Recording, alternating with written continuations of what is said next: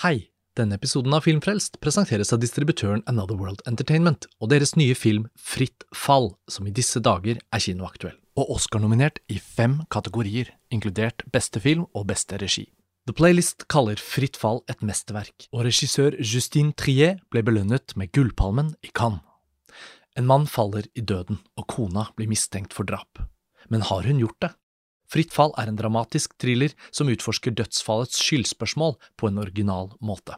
Sandra Hyller briljerer i hovedrollen, og i spenningen mellom familie- og rettssalsdrama blir Fritt fall en av vinterens beste filmopplevelser.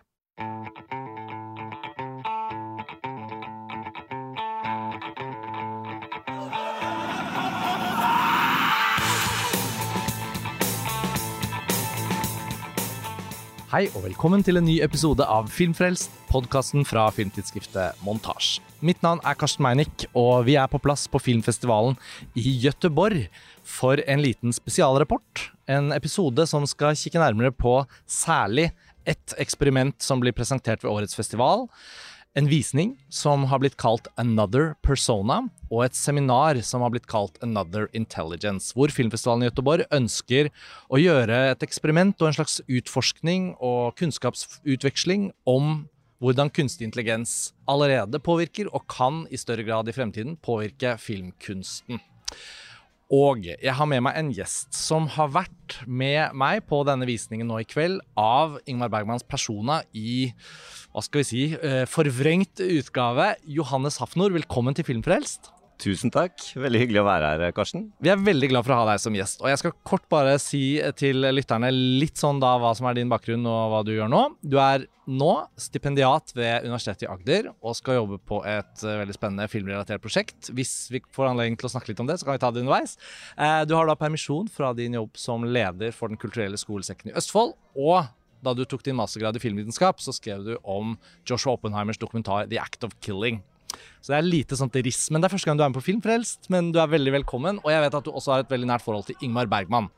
Og før jul så kom nyheten om at Göteborg Filmfestival inviterte til denne helt spesielle visningen. Og så viste det seg til slutt at du hadde også veldig lyst til å dra og få med deg dette, akkurat som meg. Og nå er vi her og har akkurat sett Persona i ja, denne veldig spesielle utgaven. Vi skal si litt mer om hva som skjedde, men kan ikke du begynne med å fortelle litt om ditt forhold til Ingmar Bergman, og hvorfor du hadde så lyst til å se det som ble presentert i dag? Jo, det kan jeg gjøre. Det, Ingmar Bergman uh, er jo en filmskaper som jeg har hatt uh, et forhold til uh, gjennom hele oppveksten, egentlig. Og jeg var ikke gamle gutten når jeg så Persona for første gang. Mm. Den gjorde mektig inntrykk, og det mm. gjør den fortsatt. Så det starta vel egentlig mitt forhold til Ingmar Bergman, tror jeg. Det var, må ha vært Persona. Og så, og så tok jeg også et, et, kurs, faktisk, som en del av mastergraden min i, i København, i Ingmar Bergman sin filmkunst. Mm. Og da tror jeg jeg så mer eller mindre alt av hans produksjon. det er imponerende, det er ikke en liten produksjon? Nei, det, kommer mer eller mindre gjennom det meste, i hvert fall. Nei, så, Og så har jeg også fått gleden av å være en del på Fåre, faktisk. Ja. Um, så jeg har vært sånn såkalt Bergman-stipendiat ved to anledninger. Ja. Uh, og bodd og jobba i, i, huset hans. Ja. Det var også en veldig flott og veldig underlig uh, opplevelse å komme så tett på han personlig, da, for han det huset hans bærer veldig preg av uh, han som person. Ja, altså Lars Ole i montasje har vært der, og det er flere andre som refererer til det. Jeg alltid, kjenner alltid en liten sånn misunnelse hver gang noen av dere sier det. Jeg har ikke vært der, og det høres jo ganske inspirerende ut da, og fantastisk. Og det er jo Bergman-stiftelsen som nå på en måte tar vare på hans arv. Og jeg tror det var ganske avgjørende for mange som ble nysgjerrige på dette som Göteborg gjør i år at Bergman-stiftelsen på noe vis var involvert. For de virker jo å ha vært eh, også sentrale for å gjøre Fårö til et sånt publikumssted, eller sånn, hvor, hvor, folk kan komme og forske og skrive og jobbe. Absolutt. Eh, den stiftelsen var jo noe Bergman ønska at skulle skulle ta over hans arv, rett og slett. Mm. Uh, og det var jo Linn Ullmann som orkestrerte alt dette her, uh, mm. sammen med Fredrikstad Callen, Hans Gude Gudesen. Det er jo helt fantastisk, den historien der. At de klarte ja. å få kjøpt ja. alle eiendelene og husene, og, ja. og, da donere det til, uh, til stiftelsen. Um, det, og det er jo Bergman-gårdene som er stiftelsene der. Og så er det jo Ingmar Bergman Foundation som også tok hånd om alle skriveriene og bøkene, arbeidsbøkene hans, og ja, forvalter det. Og så er det ikke så mange episoder siden på Filmfrelst hvor vi hadde gleden av å kunne publisere en samtale mellom Peter Cowie, filmhistorikeren, og Liv Ullmann fra Cinemateket i Oslo, som jeg hadde gleden av å lede, hvor vi snakket om den nye Bergman-biografien som Cowie nettopp har da skrevet ferdig og fått utgitt. Så det er ikke så lenge siden det var oppe i samtalen, og da ble også Persona faktisk vist da den kvelden. Og Liv Ullmann var egentlig varslet å være her i Gøteborg i anledning det de viste i kveld, men hun kunne dessverre ikke komme. Men den unge svensk-finske, tror jeg det er, skuespilleren eh, Alma Pøysti, hun var her. For det vi har sett i kveld, eh, Johannes, det er en ny versjon, kan man si, av Persona. Hvor Gøteborg Filmfestival har tatt initiativ til at et KI-verktøy er tatt i bruk for å erstatte Liv Ullmanns ansikt med en annen skuespiller. Altså denne Alma Pøysti. Og hun, mange har jo sett henne på kino i vinter i 'Høstgull og blader' av Aki Kerusmeki, blant annet. Hun har også spilt i en rekke andre filmer og liksom er en sånn up and coming eh, stjerne. Og hun var her. Og etter filmen var ferdig nå, så sto hun og var litt sånn flau, nesten. For det var veldig merkelig, et veldig merkelig skue. Jeg tenkte, Hvordan skulle vi forklart lytterne nå egentlig hva det er vi har eh, opplevd? Det ble jo liksom presentert ganske tydelig som et eksperiment. Og de ønsker å diskutere hvordan KI på en måte skal være et verktøy eller ikke, eller en fare for filmkunsten i fremtiden. sånn. Hva slags forventninger hadde du til det vi skulle se, egentlig? Jeg må si jeg var veldig spent.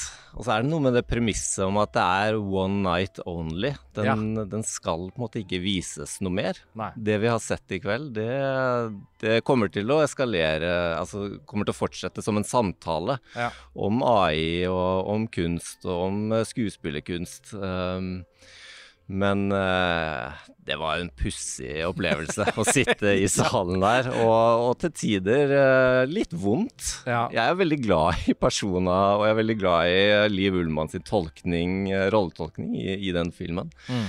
Så det å se da et annet ansikt på Liv Ullmann agere, og noen ganger så var det ikke spesielt uh, bra heller. Altså, det, var, det, var, vondt å se tek teknologisk, da. Ja. Mens andre ganger så, så satt det bedre, syns ja. jeg. Og her har jo da en datamaskin tatt disse valgene og det er jo noe man blir sittende og gruble på i etterkant. Og jeg skjønner godt at hun var litt pinlig berørt, rett og slett, når ja. hun, eh, Alma Pøysti kommer opp på scenen og tar imot en, eh, en høflig applaus fra ja, publikum. Ja, det var en høflig applaus. Vi har faktisk et lite lydopptak av det. Nå skal dere få høre hva den første reaksjonen til Alma Pøysti var da hun kom opp på scenen i Draken etter denne visningen. Hei. Sorry. What did you do? that was strange. um, yeah, so when you, you contacted me, I thought, okay, this is typical of Gothenburg Film Festival to go on holy ground and, and do some, I guess, a provocation. Uh, and I was terrified and happy to be asked because I guess I'm interested in the future. I, I have to be, but I'm also a bit terrified about what artificial intelligence might do to the craft of acting. And right now, I'm a bit relieved. I'm happy that no one can replace Liv Ullman, not even the most skilled Gothenburg technology. Det er jo på en måte, Jeg skjønner at hun ler litt av det, men hun er jo også litt sånn Hun respekterer den begivenheten hun har fått tatt del i, da. Så jeg syns hun var ganske flink til å balansere det at liksom Unnskyld, på en måte, men også la oss snakke om hva som har skjedd her. Og for henne som skuespiller så virket det jo som at de få timene hun egentlig eh, gjorde et opptak, egentlig var mer at hun lot på en måte kameraene kartlegge hennes ansikt og ansiktsuttrykk. Og hun omtaler det jo som liksom et veldig ensomt øyeblikk som skuespiller, og ikke ha noen motspiller, ikke ha noen regissør osv. Og, så og så blir da hennes slags ansiktsgestalt på en måte fòret inn i en sånn AI-robot. Nå kommer vi til å bruke AI og KI litt om hverandre. Jeg klarer ikke å vende meg av med å si AI, og så føler jeg liksom, så sier man plutselig KI, så sier man AI. Dere skjønner hva vi mener. Men at da personer har da blitt kjørt gjennom denne programvaren eller dette apparatet, og så bli vist i kveld. Det var forunderlig for meg at det da virkelig er blitt helt latt være opp til roboten. da. For da blir de eventuelle feilene som skjer, så innmari tydelige. Og det var det som gjorde det litt pinlig. Men som en diskusjon syns jeg egentlig det var en veldig spennende opplevelse. Så det der eh, eksperimentelementet her, det tenker jeg er veldig interessant. Og det avslører hvor bra personene da egentlig også er. For det blir så skrikende tydelig hvor, hvor lav kvalitet noe får, da. Ja, så ble det Jeg ble sittende og tenke mye på de valgene de har tatt uh, i starten og i slutten av uh, denne uh, KI-genererte versjonen, da. Og det er jo det at de lar Liv Ullmann få spille. I, mm. Og spesielt kanskje i slutten, hvor den får en mm. litt lang sekvens med Liv Ullmann. Mm. Og det setter det veldig i sånn relieff, da. Det, ja. det, du har sett da gjennom uh, en time og 20 minutter med Alma Pøysti, som uh, ja, nei, det, det, det, blir veldig, veldig rart. Ja, og hun omtalte det jo som en maske hvor hun ikke egentlig selv følte at hun selv var der. Og det er jo lettest for henne å se, for hun blir jo sikkert super selvbevisst når hun sitter der nå i kveld og ser dette eksperimentet utfolde seg på lerretet. Men det er jo også så interessant med mm, Altså, alle som har vært inne og ledd av en morsom sånn deepfake YouTube-video, har jo av og til kunnet se egentlig lignende eksperimenter, men i sånn kjapp meme-aktig, ubehandlet, nesten sånn bildeutbyttingsteknologi. Men noen ganger så blir jo det bedre enn det vi så i kveld. Ja, ja. Og da tenker jeg sånn, hvor er det Altså, én ting er spørsmålet er teknologien god nok til X eller Y. Um, I Indiana Jones' The Dial of Destiny fra i fjor så var Harrison Ford som ung ganske overbevisende gjengitt. Men der er det jo da menneskelige VFX-kunstnere, hundrevis av dem, som har sittet frame for frame og gjort det perfekt. Her har de da latt persona bli en ny versjon uten at på en måte menneskelig kunstnerskap har gjort noe med den ansiktsutbyttingen. Da. Og da ser man jo hvordan den såkalte kunstig intelligensen egentlig er ganske dum. For den er jo ikke i stand til å tenke på hva en sjel gjør. Den er ikke i stand til å tenke på hvordan øynene kan uttrykke noe i, i de mest minimale bevegelsene. Det blir så avslørende. Mm. Og som flere sa på scenen, det var egentlig betryggende, da, hvor dårlig det ble. ja, ikke sant. Uh, og det at hun da bare bruker et par timer i en liten leilighet i Helsinki, uh, hvor hun da blir filma i litt ulike uh, situasjoner, og så blir det bare klippa på en måte rett inn da, med denne mm. AI-teknologien. Det, det, skaper jo noe, noen hull der, da. Ja. Helt åpenbart. Og jeg tror en del sånn VFX-kunstnere blir nok fornærmet av dette eksperimentet, fordi ja. det gjør jo hele teknologien litt sånn også til skamme. At man ikke da går inn med menneskelig intelligens og tar det tekniske verktøyet i bruk for så å forfine resultatet.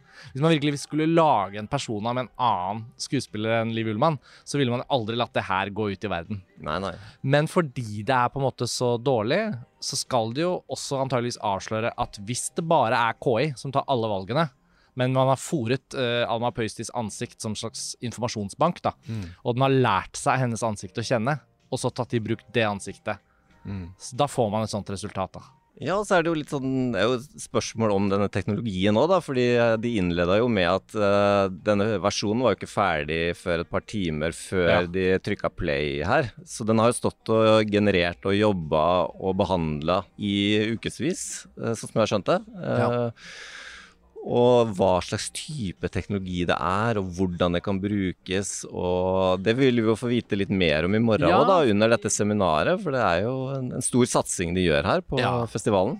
Og det er jo en todelt episode vi lager, for vi har jo tenkt til å nå dele våre første tanker nå i kveld, rett etter visningen, som er det vi gjør nå. Og så kommer vi til å legge inn litt pausemusikk midtveis i episoden. Og så får dere bli med på en liten ekstra refleksjon etter at vi har vært på det seminaret i morgen, eller kanskje litt underveis. Og det seminaret heter Another Intelligence, og da har Gøteborg Filmfestival satt av noen timer til ulike panel. Anna Pøysti skal dykke litt uh, dypere ned og diskutere med en annen skuespiller om dette, denne problemstillingen. Skuespillerne i Hollywood har jo streiket eh, senest da sommeren 2023 for bl.a. rettigheter i møte med KI-teknologien og hvordan eh, skuespillere blir eller ikke blir utfordret på sitt eget arbeidsmarked. Og så skal også den tekniske gruppa som har jobbet med denne KI-løsningen på den filmen vi så i kveld, eh, snakke litt om sitt arbeid. Og så blir det vel et par andre paneler. Vi får se litt eh, hva vi får diskutert, da. Men jeg føler at det Jeg blir veldig sånn nysgjerrig Så hvis man skal zoome ut fra persona litt, da, Johannes, og tenke på hva er det Göteborg Filmfestival utretter med dette, syns du det setter i gang noe, liksom? Får det den effekten? Ja, jeg må jo si det. Jeg, det at de stiller disse spørsmålene, det at de trekker parallellen til hele filmbransjen og hvordan det er i endring, og hva dette her kan bety da, for mm, filmkunsten, for skuespilleryrket, for eh, scenografer, mm. regissører. Altså det er mm, det er jo et potensial her til å endre en hel bransje. eh, Ja. Og da er jo spørsmålet hvor Det er vel ikke om det kommer til å endre, men når og Mm. hvordan. Mm. Og hvilke på en måte begrensninger vi kan være med å sette her, da. Mm. Uh, og det er jo kjempeviktige diskusjoner som jeg er veldig glad for at festivalen drar opp, da. Ja, jeg har ganske forventninger til i morgen nå av at også en annen ting jeg syns skjedde uh, Det vi så i kveld, heter jo da 'Another Persona'. da. For det første så følte jeg at Persona viste seg nok en gang som en helt ekstraordinært bra film. Spennende film. Eh, sett den mange ganger, men nå var det akkurat en stund siden. Og nå ble det jo egentlig veldig bra at jeg ikke hadde sett den akkurat. For jeg syns nettopp det var litt sånn spennende å bli overrasket av filmen. Små detaljer som man glemmer litt, og så ser man filmer, de beste filmene når man ser det igjen, så er det sånn åh, ja, selvfølgelig, den er så god. Men denne var liksom også forstyrret av at den egentlig inneholdt en slags kritisk løpende diskusjon. For det var det jeg satt igjen med. At det grepet og den eh, KI-implementasjonen var nesten som en slags retorisk eh, kom løpende kommentar til det persona også handler om. Jeg vet ikke om du opplevde det, men noen steder så er det jo replikker i persona når man da sitter og tenker KI mens man ser den, som vi gjorde i kveld. Så følte jeg replikken i persona nesten kommenterte på vår tids eh, spørsmål. Det er et, et tidspunkt hvor Alma er sånn Åh, jag, oss, vi, du, dem. Eh, og så er det sånn Ja, nettopp, ja. Perspektiv. Hvem gjør hva? Hva er det Elisabeth Fogler egentlig representerer? Hvem er hun? Hvem er den andre? Er det to ansikter som glir over i og er ett? Er det en maske? Nå fikk vi jo en bokstavelig maske av det der KI-grepet. Sånne type ting satt jeg og tenkte på underveis, eh, og det ble veldig sånn aktiverende. Ja, og de, og de går jo inn og ut av hverandre òg, ikke sant. Eh, Disse to eh, skuespillerne. Mm. Helt, eh, helt konkret òg, i, i både um, hva de sier og, og disse hva skal jeg si, maskene, da. Så, um, så det er jo en veldig Det er veldig riktig, hvis de først skal kline til da, eh, med KI og lage en KI-generert versjon, så at de bruker persona. Eh, Som jo handler om identiteter og glidende identiteter og, og, og masker og, og film, da. Hva er film? Mm. Ikke sant? Faktisk. Eh, Persona starter jo med en, eh, en filmrull som eh, begynner å rulle. Mm. Uh, og det avsluttes også med at man ser inn i måte et kamera da, som spiller inn det vi faktisk sitter og ser. Mm. Så det å, ha, det å bruke en metafilm sånn som dette her, som, som igjen da handler om identitet, det tenker jeg er, eh, det er veldig ja, Og en såpass ikonisk film, da. Det må Mm. jo også være lov å si. Kanskje den mest eh, ikoniske svenske filmen eh, som fins. Ja, absolutt. Jeg vet ikke hva du følte, om det var noe øyeblikk som skilte seg ut. Kanskje det, skal vi ta en kort runde på det? For jeg følte at det var noen steder hvor jeg kjente sånn Ja, der. Nå er det implementert på en sånn spennende måte som gjør at vi ikke bare får Liv Ullmann, for hun er jo i åpningen og slutten, så hun er jo ikke borte fra filmen. Men vi får på en måte en tredje kvinne som på en måte trenger seg inn i den duoen der ute. Og det var noen av bildene hvor det var så utrolig mye mer elegant implementert, bare i lyssettingen, at Alma Pøystis ansikt på en eller annen måte bare passet så mye bedre inn. Og da følte jeg jeg kunne hvile mer på liksom at oi, nå er det enda en kvinne her. Det er ikke en utbytting, det er et tillegg. Og det syns jeg var veldig spennende. Og på sitt dårligste så var det jo på en måte som en sånn Det var som en sånn uferdig Photoshop. Hvor du følte at du bare var sånn Dette er bare Stopp filmen, liksom. Men hadde du noen steder hvor du lot deg liksom Hvor det traff deg litt mer, det de hadde gjort? Så når jeg tenker på det, så, så ble jeg nok Jeg ble mest revet ut av fiksjonen her pga. de eh, litt vonde eh, Hva skal jeg si eh, det, det føles ut som det var klippa litt inn, da. Og, Ja. og måten Altså teksturen i, uh, i bildet. Ja. Uh, ansiktet, uh, hvor glatt det var. det var noe med lyssettinga. Altså Linjene rundt munnen Ja. var spesielt dårlig. Ja, men også linjene rundt øynene Ja. merka jeg også, som, var, som gjør at du Ja, du vrir deg litt da, Ja. i, i setet. Det er litt vondt å se på. Det, det blir som en sånn der dårlig sånn charcoal-effekt på sånn bilde sånn i tidlig Instagram, hvor du kunne legge på sånne filtre, og så får det til å se litt sånn Det var ganske ille, og det var på en måte også Det ga jo ikke noen Det ga jo ikke noen diskuterende effekt at det var så dårlig eh, implementert heller. Men eh, hva syns du om åpningen, da? Den første, det derre Når hun er i den rollen uh, på teaterscenen der, så snur hun seg. Ja, ja, Det var jo første gang vi så hun Alma Ja, Poristis. Elektra. Mm. Da er hun jo veldig sminka også. eh, Fordi hun er, står på en teaterscene, og det kanskje hjelper det, det, litt. Da. Ja, det kanskje hjelper litt, Eh, Fordi gjennom filmen så er de jo konsekvent veldig lite sminka. Det er jo, det er jo estetikken i, i filmen. Ja, ja. Så det er kanskje også litt av grunnen til at den, den syns den treffer litt bedre, da. Jeg Ja. vet ikke. Nei. Um, det var jo et par også scener hvor jeg merka at Og det kanskje handla om lyssettinga. At da, da, da opplevdes det litt mer um, naturlig, da. Mm. eh, det ansiktet til Mm. Alma Prøysti. Uh, og, det- og det så bedre ut også. Uh, og du klarte liksom å leve deg litt inn i fiksjonen, og at det var hen, hennes ansikt som, som snakka, da. Ja. For det er klart, det er jo alle bevegelser med øynene, kontakt med um, Bibi Anderssons eh, karakter. eh, alt det der er det jo Liv Ullmann som på en måte gjør som Mm. skuespiller, men Mm. så er det denne AI-teknologien som Ja, det er bra poeng, fordi jeg tenker for de av lytterne da som nå selvfølgelig ikke har vært her i kveld. Jeg tror ikke det var så mange nordmenn eh, som hadde funnet veien, og um, den ble bare vist Så det er bare vi som er ekspertene på dette, Johannes. Eh, Men jeg tror kanskje jeg hadde trodd at Alma Pøysti var gitt oppgaven å spille i et sånn mini-green screen-variant, bare ansiktet kanskje, da. Mm. Jeg tenker på sånn uh, Andy Serkis gestalta Gollum i sånn motion capture, ikke sant. Mm. Jeg husker de, den teknologiske linjen der. Jeg trodde det var kanskje en mellomting mellom det å bli filmet, og at det ble på en måte implementert. Men det er jo ikke det som har skjedd, og det tror jeg er en viktig distinksjon. da, at. Hun har jo faktisk ikke spilt ut noen av scenene. Men hun har latt på en måte hele sitt register og ansiktsuttrykk bli en del av den Mm. KI-katalogen. Og så har da den masken blitt lagt oppå Liv Ullmanns gestalt, som du sier. Mm. Og det er jo medvirkende til noe av den Unheimlich-effekten som oppstår. Mm. Fordi du bare føler liksom at du blir frarøvet den egentlige tolkningen, og så er det som om noen har lagt på et sånt Ja. Ja, En slags filter, da? Eller ja maske, filter. eller Jo, men en maske kan være liksom uttrykksfull for seg selv.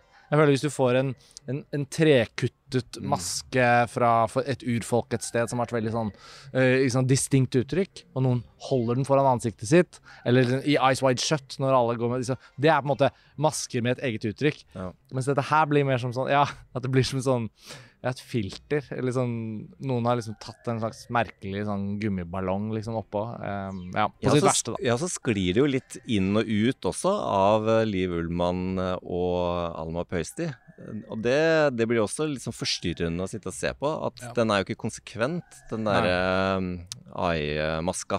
Den, den har små hull i seg, Ja. så, som gjør at noen ganger så, så glimter på en måte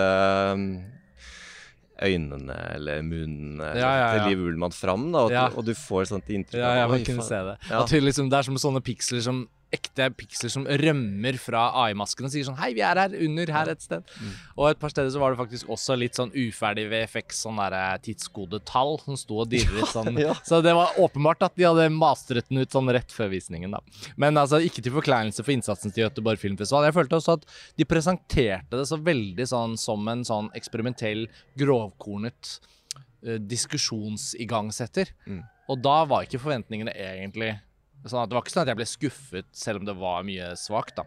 Nei, nei, nei, på ingen måte. Det var jo Igjen, da, det er et viktig premiss å ta med seg her. Det, Ja. det er ikke Festivalen vil ikke lage en ny Nei. film. De vil sette i gang en samtale om kunstig intelligens. Uh, og så igjen da bruker de personer som uh, som et eksempel, rett og slett, eh, og et eksperiment. Mm. Uh, og så skal den aldri vises igjen. Uh, og det er mange som er glad for det. Ja, var- selv inkludert, egentlig. Men Ja. det å få vært her og opplevd det, kjent på stemninga i salen Ja. uh, Det var litt buing på rulleteksten. Det var litt, det var litt rørende. Da tenkte jeg sånn OK, her er det folk som virkelig bryr seg om Bergmanns arv. Ja, ja. Eh, Og det det er da sånn- rett før Alma Pøsti faktisk går på scenen, så kommer det en eh, ganske mørk og tung buing fra bakerste rad der, og det, det ble jeg glad for å høre, egentlig. Ja, det var litt flott. Og Ja. engasjement. Ok, men så Dette er en slags eh, god oppsummering av våre første tanker og reaksjoner. Og så skal vi jo i morgen ta og følge dette seminaret, så da gjør vi en liten sånn del to. Så jeg tenker det holder for nå. Um, og så kan vi bare la lytterne få oppleve en liten fresh lydovergang. Og så hører dere oss straks diskutere hvordan da dette seminaret har vært opplevd. Så da høres vi veldig snart.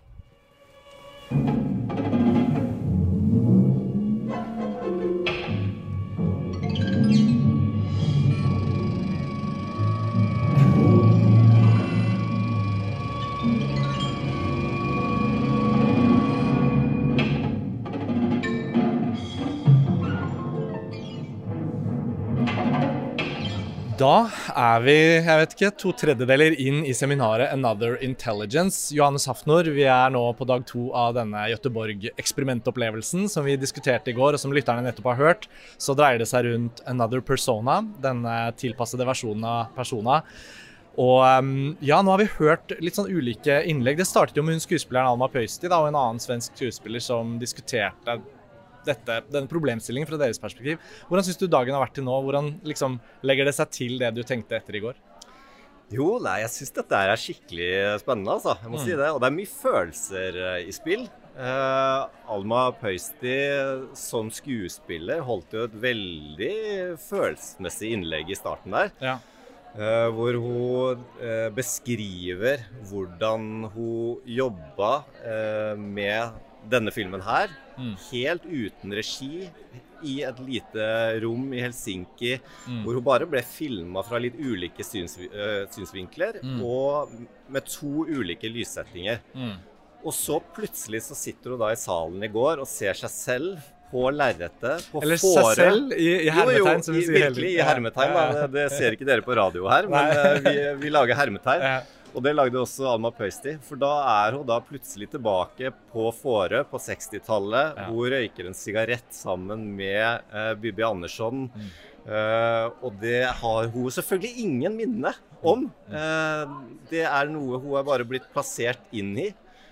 Og, og, og den diskusjonen om at dette er hva skal jeg si, kunstig intelligens, altså intelligensen her, eh, det prøver jo disse skaperne av programvaren å ta bort. De mener det er ikke intelligent i det hele tatt. Mm. Dette er bare et verktøy. eh, Et, verktøy, et ekstra verktøy i eh, arbeidskassa som VFX-arbeidere i, filmbransjen. Og Nei, det, de illustrerte det ganske morsomt med hvordan kan du gjøre en, få en katt til å gjøre triks. Ja. Da kan du kanskje finne en sånn uh, eh, yndlingsleke, og så kaster du den til, til katten, og så gjør den kanskje et lite triks. Mm. Og så tester du ut en ny liksom, yndlingsgreie, og så kanskje du får den katten til å sakte, men sikkert gjøre det du Mm. vil at den skal gjøre. Mm. Nei, det er veldig eh, pussig eh, å være her, altså. Jeg må Veldig si det. pussig. Altså, jeg syns samtalene og diskusjonene både som vi hadde i går, og i forhold til hvordan dette seminaret er satt sammen, virker å være målet med prosjektet.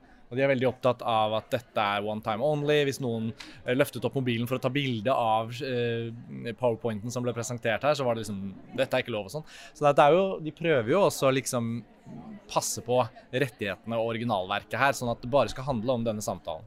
Men eh, bruken av KI og AI, da, om, som vi bruker om hverandre her, jeg føler at teknikerne er kanskje ikke helt eh, de som er her nå, selv om de har gjort en utrolig god teknisk jobb her, så er spørsmålene så raskt så dypfilosofiske om hva kunst er, hva sjelen er, hva skuespillerkunsten er, hvorfor vi i det hele tatt gjør de tingene. Og det er jo selvfølgelig veldig mye for dem å få på sine skuldre, da. At hittil i samtalen så har jeg nesten manglet en form for estetiker eller filosof, kunstfilosof, eller noen som kunne trukket noen andre linjer, da. For det er et par spørsmål som kommer opp hvor man merker at nei, vi har bare lært bort det og det, og det er det den kan. Og så er det sånn, jo, men samtalen bør jo egentlig handle om hvilket potensial dette eventuelt har. da. Ja, Og de moralske dilemmaene her, da. Ja. Det glemmer jo disse teknikerne fullstendig. Ja. De, de forholder seg ikke det. De har, de har en mye mer kjølig eh, teknisk tilnærming til det. Og skaper seg en slags avstand til problemet på den måten, men det vet jeg ikke om Ja, det er litt sånn ansvarsfraskrivelse, tenker jeg, da. Um, Og fordi prosjektet har ikke helt, det de presenterer her, har ikke helt en kunstnerisk leder som står og signerer på hva som er presentert. nei. Um, og da blir det litt sånn Ja, men det må noen andre svare på. Ja, og Samtidig så sier de at de må inn og ta noen menneskelige valg også i, uh, underveis, når denne maskinen som sagt gjør disse rundene, da, millioner, millioner av ganger, Mm. og til sakte, men sikkert kommer fram til et nytt resultat. Mm. Og så må de på en måte forkaste det, eller gå videre, og så Mm. jobber den videre og lærer og endrer. Mm. Eh, så det er jo eh, Nei, det er noe med den der etikken her, og når denne maskinen begynner å ta, ta litt overhånd, da. Mm. de sier jo at de har jo ikke mata maskinen med filmen, Nei. ikke sant? Eller med manuskriptet, eller med det, det, Den bare bytter ut to ansikter Ja. eh, og merger det egentlig da, eh, til et tredje uttrykk. Den, den tar ikke inn over seg personer som kunstverk. Nei.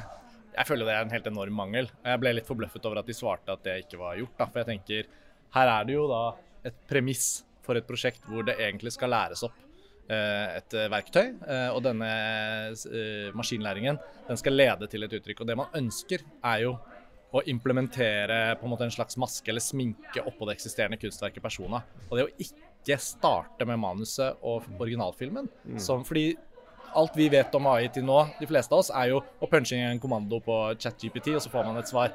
Og den er jo da lært opp i tekst og alt mulig som finnes av tekstbasert eh, informasjon og kunnskap. da. Så det å ikke kunne liksom tilføre noe kontekst her, det, er- da, da skjønner jeg jo også hvorfor noen av bildene av det vi så i går, var på en måte helt ute. Ja. Det var jo, eksisterte jo ikke innad i filmen, men av og til var det så integrert at man følte at det, jo, det er i filmen, men det er likevel litt sånn unheimlich. da. Ja, og så tenker jeg også det der med når er det På, på hvilket tidspunkt er det den tar litt over, da? Og gjør ting som er helt ukontrollerbart for uh, den menneskelige uh, påvirkningen. Mm. Uh, og det har jo filmer og kunst reflektert over kjempelenge. Og det første jeg satt og tenkte på, er jo når eh, datamaskinen i 2001 Romodyssé på en måte gjør mytteri Mm. Ja. og sier nei, nå, uh, kjære Dave, nå, det, den kommandoen, uh, den tar jeg ikke. Mm. Mm. Og det, det er jo et sånt utrolig interessant filosofisk, moralsk aspekt her, da, Mm. som, som kanskje ikke helt klarer å berøre, da. I hvert fall ikke disse teknikerne. Nei, og at problemstillingen er jo egentlig da allerede så kompleks på det eksperimentelle prosjektet her, at da kan man bare se for seg hvor kompleks og hvor mange på en måte kloke hoder som egentlig trenger å lene seg inn for å kunne gjøre lignende eh, bruk av KI i filmkunst i fremtiden, hvis du virkelig skal gjøre det sånn på ordentlig. da. Eh, og det er også viktig differanse de trakk i stad, hvor de snakket om noen spurte om jo, men Én ting er liksom face replacement, hvor du har et helt ansikt. Altså Hvis de hadde hatt hele Alma Pøystis ansikt filmet, og hun gestaltet den samme rollen, og at hun i sin versjon av Elisabeth Fogel ble på en måte limt inn i originalfilmen, det er jo én ting. Men det er jo ikke det som har skjedd her. Og når de da avslører at denne maskinen egentlig bare har lært seg åtte, åtte vinkler på Alma Pøystis ansikt De kunne jo til og med fòret hele hennes filmografi, alt hun har gjort som skuespiller, inn i maskinen og fått antageligvis et mye mer interessant resultat. da.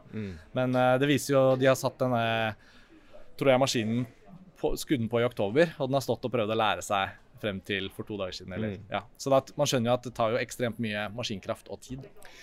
Ja, og jeg må innrømme at jeg trodde at det var hele karakteren. Ja, Altså, det trodde jeg også. Ja, før, før denne visninga, da. Men det er kun ansiktet som de har gjort uh, denne AI, brukt den AI-teknologien. Så det er Liv Ullmann sin, sin kropp, da. Eh, og så er det Og mimikk, egentlig, som blir liksom Ja. kodet tracket, og så Alma Pøysti oppå der igjen. Ikke sant? Fordi eh, Ja, igjen. Alma Pøysti har ikke spilt gjennom hele persona. Nei. Hun, hun har bare blitt generert, rett og slett. Basert på blikkene Og hun går rundt her og ser litt forskrekket ut fortsatt i dag. Hun sa jo det i går også. Um, Johannes, vi er jo midt i seminaret. Jeg foreslår at vi tar kaffekoppene våre og bare spaserer inn, i tilfelle de skulle nå begynne igjen før vi rekker å, å delta. Skal vi se. Skal vi snike oss inn og se? Her står teknikerne. Har du? Ok, takk. So how does this work? What we are doing is basically trying to understand and to look what a face is and re- recreate that, that uh, face. So if you imagine being a child hasn't seen anything and you are learning to draw, that's the machine. Og det var vår rapport fra filmfestivalen i Gøteborg og arrangementet Another Persona, Another Intelligence. Altså en visning og et seminar knyttet til bruken av KI-teknologi i filmkunst, eksemplifisert av dette eksperimentet på Ingmar Bergmans persona. Det var det for denne episoden. Jeg vil takke Johanne Safnor, som var vår gjest. Takk til Gøteborg Filmfestival for godt samarbeid om pressetilgang. Og hvis vi ikke nevnte det, så vil jeg trekke fram at de som utførte denne tekniske løsningen på dette eksperimentet, det var Gothenburg Film Studios. Og han vi hørte et kort sitat av på slutten her, det var Henrik Svilling, som er deres Face Tool Operator. Ellers var det altså skuespiller Alma Pøysti som uh, deltok, og det hele er blitt satt i gang av uh, Göteborg Filmfestivals kunstneriske leder Jonas Holmberg. Og med det kan jeg bare si at vi er straks tilbake med nye Filmfrelst-episoder. Takk for denne gang, og ha det bra.